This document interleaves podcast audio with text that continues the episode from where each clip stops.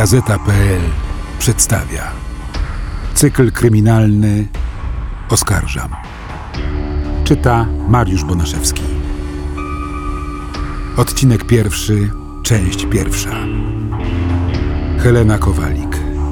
Wojny gangów. Najpierw trzeba przeżyć. Zostawcie gangsterów w spokoju, sami się powybijają. Mafia pruszkowska przestała istnieć po opowieściach masy, ale wojny gangów nie da się zamknąć jednym zdaniem i jednym świadkiem koronnym. Policyjny samochód z Jarosławem S. Masą mknie na warszawskie Bemowo, gdzie w powojennych fortyfikacjach odbywa się proces oskarżonych z pruszkowskiej mafii. Jest 23 maja 2003 roku, 20 lat temu. Nad bezpieczeństwem cennego świadka koronnego czuwa 96 antyterrorystów. Co kilka minut mają obowiązek meldowania zwierzchnikom, do którego miejsca dotarli, specjalnym szyfrem. To szczegółowo rozpisana operacja. Jeśli tylko dowódca konwoju w określonej minucie nie połączy się z centralą i nie odpowie na wywołanie, zostanie wszczęty alarm. Masa nie życzy sobie na sali rozpraw pismaków, tak nazywa reporterów sądowych. Kilkadziesiąt tomów akt jego sprawy czytam już po zakończeniu procesu, gdy wysłano je do archiwum. Z przesłuchań najsłynniejszego świadka koronnego w trzeciej RP przebija pewność siebie buta. Czuje się bezkarny. Wszystkie przestępstwa zostały mu darowane.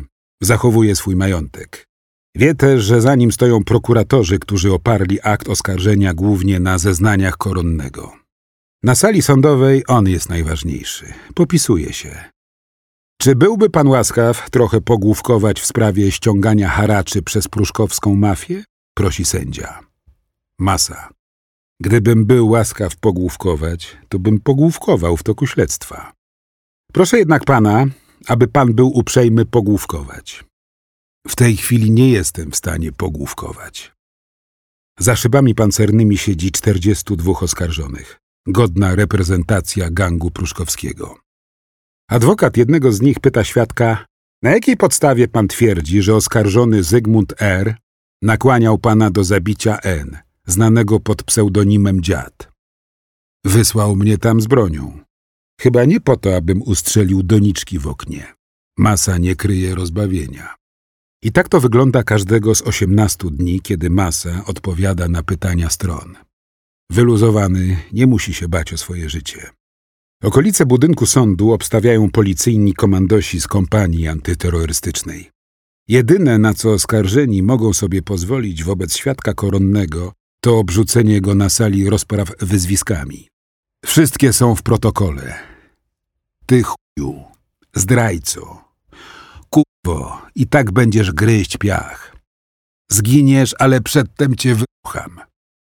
Warszawski sąd akceptuje Jarosława S. na świadka koronnego w czerwcu 2000 roku. W wyniku jego zeznań aresztowano zarząd pruszkowskiej mafii. Nie obeszło się bez pewnego falstartu. O czwartej rano gangsterzy Malizna, Żaba i Słowik otrzymali ostrzegawczy telefon. Udało im się wyrwać z obławy. Pod aresztancki klucz poszli Wańka, Bolo oraz Parasol. Za pozostałymi bosami gangu prokuratura wysłała listy gończe. Skutecznie. Słowik w klatce. Najdłużej na wolności pozostawał Słowik. Zdążył uciec przed aresztowaniem do Hiszpanii. Był poszukiwany międzynarodowym listem gończym. O jego przestępstwach, kierowaniu uzbrojoną grupą przestępczą, wiele mówił na procesie pruszkowskiego gangu świadek koronny Masa. Andrzej Z. Słowik był wtedy uważany za przywódcę gangu pruszkowskiego. Na drogę przestępcy wszedł jeszcze w PRL-u. W 1978 roku został skazany na półtora roku więzienia za kradzież Fiata 126P. Uciekł z więzienia, wkrótce znowu został złapany. Dziesięć lat później był już zawodowym włamywaczem do mieszkań i złodziejem samochodów. Kiedy przeniósł się ze Szczecina do Warszawy, grabił pieniądze, ściągając haracze od restauratorów. Jego pierwszy, poważniejszy wyrok za włamania jeszcze za czasów PRL wynosił sześć lat. Nie odsiedział całego. W przełomowym dla Polski roku 1989 wyszedł na świąteczną przepustkę i dzięki fałszywym zwolnieniom lekarskim już nie wrócił do więzienia. Nadal popełniał przestępstwa. Słusznie czuł się bezkarny, skoro w 1993 roku ułaskawił go prezydent Lech Wałęsa. Akt łaski dotyczył wyroku z 1987 roku za udział w kradzieżach i rozbojach. Wałęsa, zapytany po latach, dlaczego tak postąpił, odpowiedział: Podłożono mi papiery. Ja bym tego nie zrobił. Z czasem Słowik przerzucił się na handel narkotykami i w końcu trafił do klatki na dłużej. Przewieziony z Hiszpanii do Polski, został skazany na sześć lat więzienia za kierowanie gangiem pruszkowskim i wymuszenia rozbójnicze z lat dziewięćdziesiątych. Na kilka miesięcy przed wyjściem na wolność oskarżono go na podstawie zeznań masy o udział w zabójstwie komendanta głównego policji Marka Papały.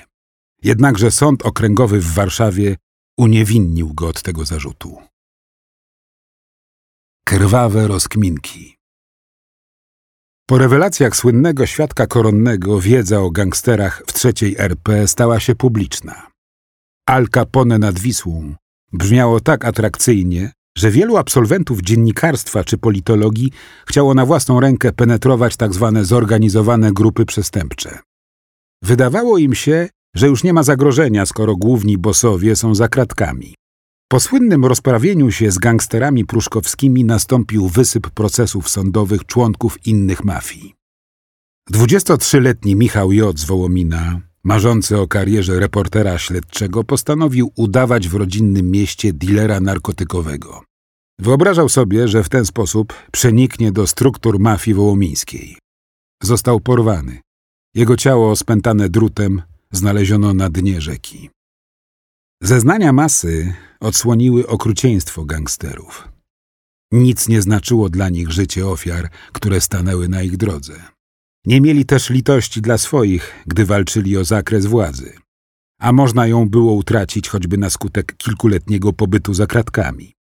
W takiej sytuacji znalazł się Ireneusz P., Barabasz, twórca mafii pruszkowskiej.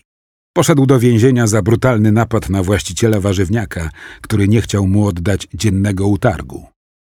Kiedy Barabasz odzyskał wolność, mógł zostać tylko tak zwanym żołnierzem swoich wychowanków, między innymi masy. Jarosław S. w rozmowie z reporterem śledczym Arturem Górskim tak opisał ówczesną pozycję młodych w gangu. Przejęliśmy ster. Jeździliśmy po mieście fajnymi furami, rozpalając dyskotekowe bramki i windykując należności za ochronę. Inny pruszkowski boss, Zbigniew K. Ali, stracił władzę, gdy pewnego dnia w czasie pijackiej sprzeczki ze swym żołnierzem parasolem tak dostał od niego w szczękę, że się złamała. Masa. Jak boss dostaje po ryju od gangstera niżej stojącego w bandyckiej hierarchii, to jest koniec jego przywództwa. Ali miał zasługi dla kasy mafii, gdyż kradł na dużą skalę klisze fotograficzne do zdjęć rentgenowskich. Na początku lat dziewięćdziesiątych wydobywano z nich kosztowne związki srebra. O wiele bardziej krwawe były zatargi między gangsterami, gdy usiłowali przejąć terytorium konkurenta. Mirosław D., Malizna, był jednym z cinkciarzy wystających na początku lat dziewięćdziesiątych pod uniwersamem na warszawskim Grochowie, gdzie otwarto kantor wymiany walut. Z upływem lat Malizna przejął władzę nad dużą częścią Pragi i dążył do rozszerzenia swoich wpływów. Nie podobało się to rosnącemu w siłę jego podwładnemu Markowi C., Rympałkowi. On też chciał przewodzić i mieć swoich żołnierzy. Coraz częściej między bandytami dochodziło do tak zwanej rozkminki. Podczas jednego z takich starć stracił życie Cezary D. Masa twierdził, że zabili go killerzy malizny. Nie zawsze kończyło się rozlewem krwi. Czasem wystarczyło postraszenie przeciwnika, pokazanie kto rządzi. Do legendarnych rozkminek przeszło spotkanie dwudziestu bandytów z Pruszkowa z grupą miejscowego wataszki Nikodema S. Nikosia. Sopot, 11 sierpnia 1994 roku. Na wiadomość, że z Warszawy wyjechała kawalkada kilkunastu Mercedesów z kijami baseballowymi w bagażnikach, pierwszy gangster wybrzeża powiadomił policję. Ostatecznie pruszkowscy wylądowali w areszcie, skąd po godzinie ich zwolniono bez postawienia jakichkolwiek zarzutów. Otwartą wojnę z Pruszkowem prowadził Henryk N., dziad, lider grupy ząbkowsko-praskiej. Początkowo współpracował z Pruszkowskimi w przemycie spirytusu Royal. Ale kiedy w 1992 roku znalazł się z tego powodu w areszcie, uznał, że to kompanii z Pruszkowa wydali go policji. Wzajemne oskarżenia o współpracę z organami ścigania nasiliły się, gdy dziad ukradł z transportu jadącego z Niemiec do Rosji pięć ton papieru do drukowania rubli. Kroił się skandal międzynarodowy i państwowe służby były zmuszone negocjować z gangsterami. Dziad oddał 3,7 tony. Dla siebie zachował resztę. Nie chciał rezygnować z planu wprowadzenia fałszywek do obiegu. Dziad trafił do więzienia w 1999 roku, skazany za podżeganie do zabójstwa Leszka D., Wańki, z gangu pruszkowskiego oraz za handel narkotykami. Za krat wydał książkę Świat według dziada, w której opisał wojnę z Pruszkowem i związki przestępców z politykami. Nigdy nie wyszedł na wolność. Zmarł na więziennej pryczy. Jego brat, Wiesław N., wariat, dorobił się bogatej kartoteki kryminalnej już w latach 70. W trzeciej RP stworzył największą w Europie fabrykę amfetaminy w Woli Karczewskiej. Wariat był podejrzany, niczego mu nie udowodniono, o zamach na życie bossa grupy pruszkowskiej Zygmunta R., Kabana bądź Bola. W 1995 roku ktoś zawiesił ładunek na klamce jego mieszkania w bloku przy ulicy Ostrobramskiej. Zostały uszkodzone trzy piętra, ale nikt nie zginął.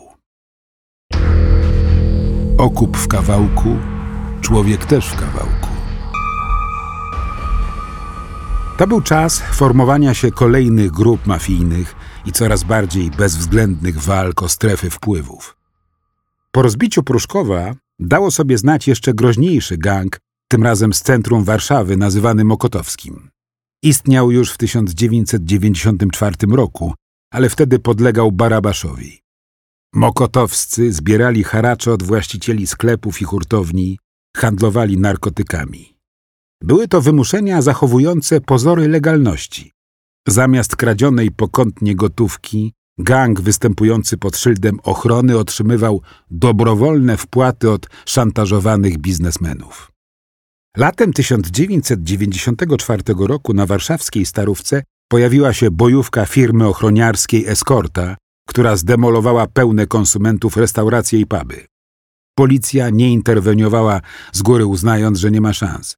Większą odwagą wykazali się właściciele lokali, którzy w środku sezonu turystycznego ogłosili strajk. Eskorta utraciła prawo do świadczenia usług, a jej szef Dariusz B. Jogi, gangster z Wołomina, został skazany na 7 lat innymi za pobieranie haraczy od właścicieli ukradzionych samochodów, którzy chcieli odzyskać swój pojazd. Nad wymuszeniami w dużych firmach czuwał Zbigniew C., DAX. Żądaniu pieniędzy za rzekomą ochronę sklepu czy zakładu towarzyszyło ultimatum.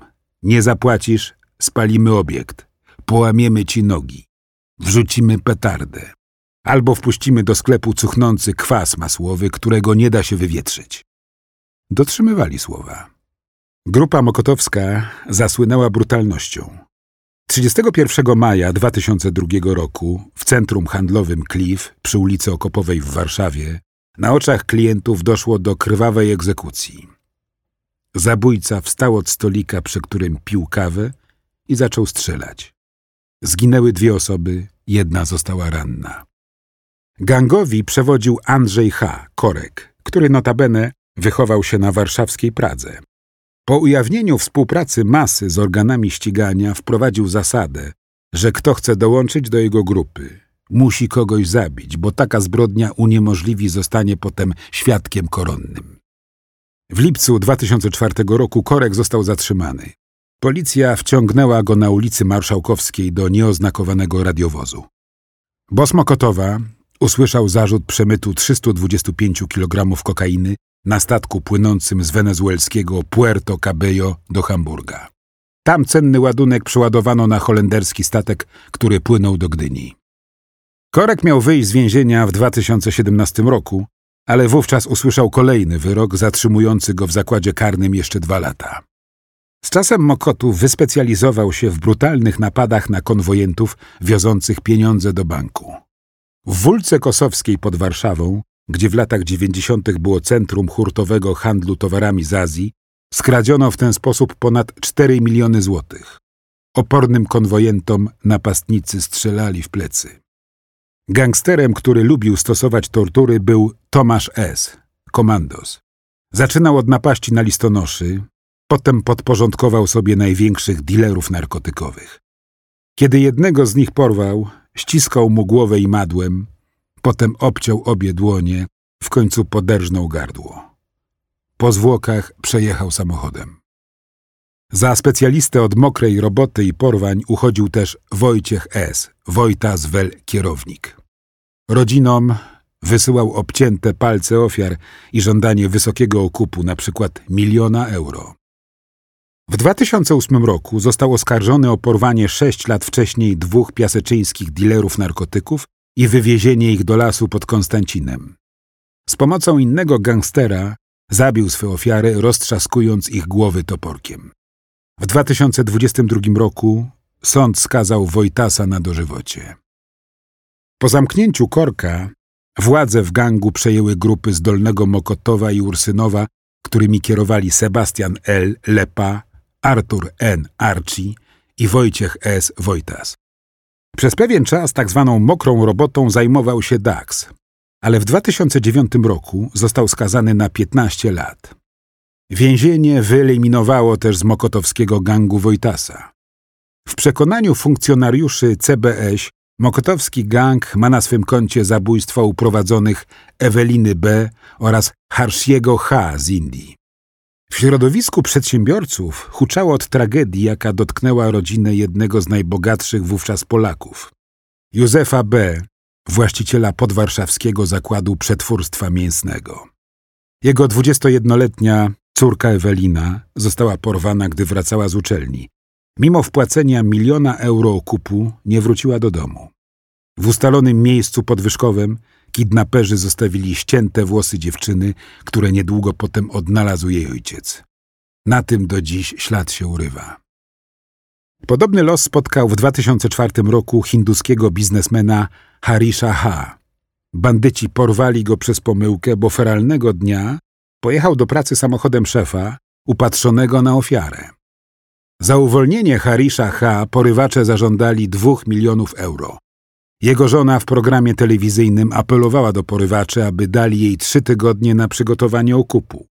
Hindusi w Polsce solidarnie uzbierali 800 tysięcy dolarów. Było to niestety znacznie mniej niż żądali zbrodniarze. Rodzinie porwanego odpowiedzieli SMS-em. Okup w kawałku, człowiek też w kawałku. Wkrótce potem nadeszła paczka z uciętymi palcami ofiary. Do przekazania pieniędzy nie doszło. Mamusiu, strzelają do mnie. W Modlinie w latach dziewięćdziesiątych gangiem kierowali bracia K. Grzegorz, Gieno i Dariusz, Kary. Z czasem wyrosła im pod bokiem konkurencja, nowodworscy. Nie pomogło ostrzelanie samochodu Marka B. Białego i Pawła G. Głębika oraz spalenie nadzorowanych przez nich solariów. Bracia K. zdecydowali się na większą akcję. Na 23 czerwca 2000 roku w pubie EB w Nowym Dworze Mazowieckim, gdzie chętnie przesiadywali szefowie gangu konkurującego z Modlinem, zaplanowano festyn z okazji zakończenia roku szkolnego. Pod stolikiem zajmowanym zwykle przez bosów, cyngle braci K umieściły pięciokilogramową bombę. Do eksplozji miało dojść wieczorem. Rano właściciel lokalu zauważył w tym miejscu poluzowaną kostkę brukową. Kiedy wziął ją do ręki, nastąpił wybuch. Mężczyzna zginął wyrzucony siłą podmuchu na dach. Śmiercionośny ładunek rozszarpał też ciała trzech chłopaków zarabiających w lokalu na wakacje. Bracia K. nie zrezygnowali z Dintoiry.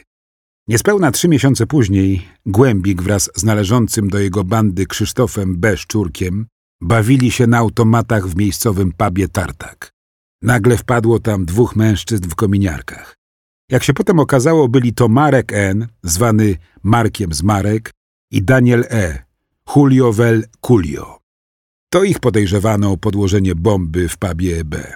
W Tartaku strzelali z broni maszynowej. Ofiary nie miały szans. Kiedy napastowani padli od kul na podłogę, mordercy obrócili butami ich ciała, aby upewnić się, że są martwi. W 2003 roku do Sądu Okręgowego w Warszawie trafił akt oskarżenia przeciwko liderom modlińskiej grupy przestępczej. Przyprowadzono dziewięciu gangsterów. Byli wśród nich dwaj bracia K, oskarżeni o podżeganie do zabójstwa w pubie B. Gieno z aresztu wysyłał dziennie nawet dziesięć grypsów. Zakrat wydawał polecenia, rozdzielał mafijne pieniądze, decydował, którego ze świadków uprowadzić, aby nie zeznawał na jego niekorzyść. Jednemu ze swoich podwładnych, Piotrowi K. Kiką, kazał obrzucić granatami członków konkurencyjnej bandy. Mimo twardej ręki Gieno nie zdołał utrzymać władzy. Najpierw dwaj jego żołnierze, Andrzej B. Broda i Mariusz S. Skowron, próbowali przejąć kontrolę nad zyskami gangu z przydrożnej prostytucji. Odszczepieńcy przeciągnęli na swoją stronę ważnego członka modlińskiej mafii Konrada O. Oboja. Niespełna miesiąc później 26-letni obój został zastrzelony w szpitalu bielańskim, gdzie leczył nogę zranioną podczas gangsterskiej potyczki w ogródku piwnym. Egzekucja odbyła się w sali oddziału chirurgii urazowej na oczach pacjentów i odwiedzających ich rodzin. Bandyci w maskach wyciągnęli broń, oddali kilka strzałów w klatkę piersiową unieruchomionego gangstera i z czwartego piętra uciekli przez okno po linie. Grzegorza K. zdradził też jego wychowanek Rafał Eł, zwierzak. W 2005 roku, już po zastrzeleniu oboja, zwierzak ogłosił się przywódcą niegdysiejszych podwładnych braci K. Grupę zbuntowanych nazywano w kręgach mafijnych twierdzakami, gdyż mieszkali w Modlinie w pobliżu starych fortyfikacji wojskowych. Ich wyposażeniem była broń ukradziona braciom K. Kiedy z aresztu śledczego wyszedł na wolność Dariusz K. Kary, postanowił w imieniu swoim i brata upomnieć się o ich dawne miejsce w mafijnej hierarchii. Zwierzak nie chciał podzielić się władzą i zdecydował, że zabije swego dawnego mentora. Nie było to proste, gdyż gangster chodził z obstawą. Rafał Eł uparcie polował na swą ofiarę. Raz z gotowym do strzału kałasznikowem czekał kilka godzin w śmietniku koło domu Karego. Dariusz K. zwietrzył zasadzkę i tego dnia nie wrócił z miasta do domu, a na swego dawnego pupila wydał wyrok. 17 lipca 2005 roku zwierzak wracał do domu z nadzorowanej przez siebie dyskoteki. Na klatce schodowej ktoś przywitał go strzałami. Przywódca młodych wilków miał szczęście. Broń zabójcy się zacięła. Rafał Eł uciekał krzycząc Mamusiu, strzelają do mnie. Kiedy tylko doszedł do siebie, chciał poznać nazwisko niedoszłego mordercy. Dotarło do niego, że Artur Z., handlarz narkotykami, który czasem chodził na akcje z braćmi K., przechwala się na mieście, że przechowuje broń tego, który chybił strzelając do zwierzaka. Eł postanowił za wszelką cenę wyciągnąć od Artura Z. nazwisko killera. Rankiem 5 sierpnia 2005 roku przed oficyną, w której mieszkał Artur Z., gwałtownie zahamowały dwa samochody. Bandyci przebrani za antyterrorystów wyciągnęli z łóżka mężczyznę i jego ciężarną narzeczoną Małgorzatę R. Półnagich wywieziono do dzikiego parku w twierdzy Modlin. Tam byli torturowani, mimo że Dariusz Z. powiedział, kto zlecił zamach na zwierzaka. Na koniec oprawcy dobili swe ofiary po wrzuceniu do wykopanego przez porwanych dołu.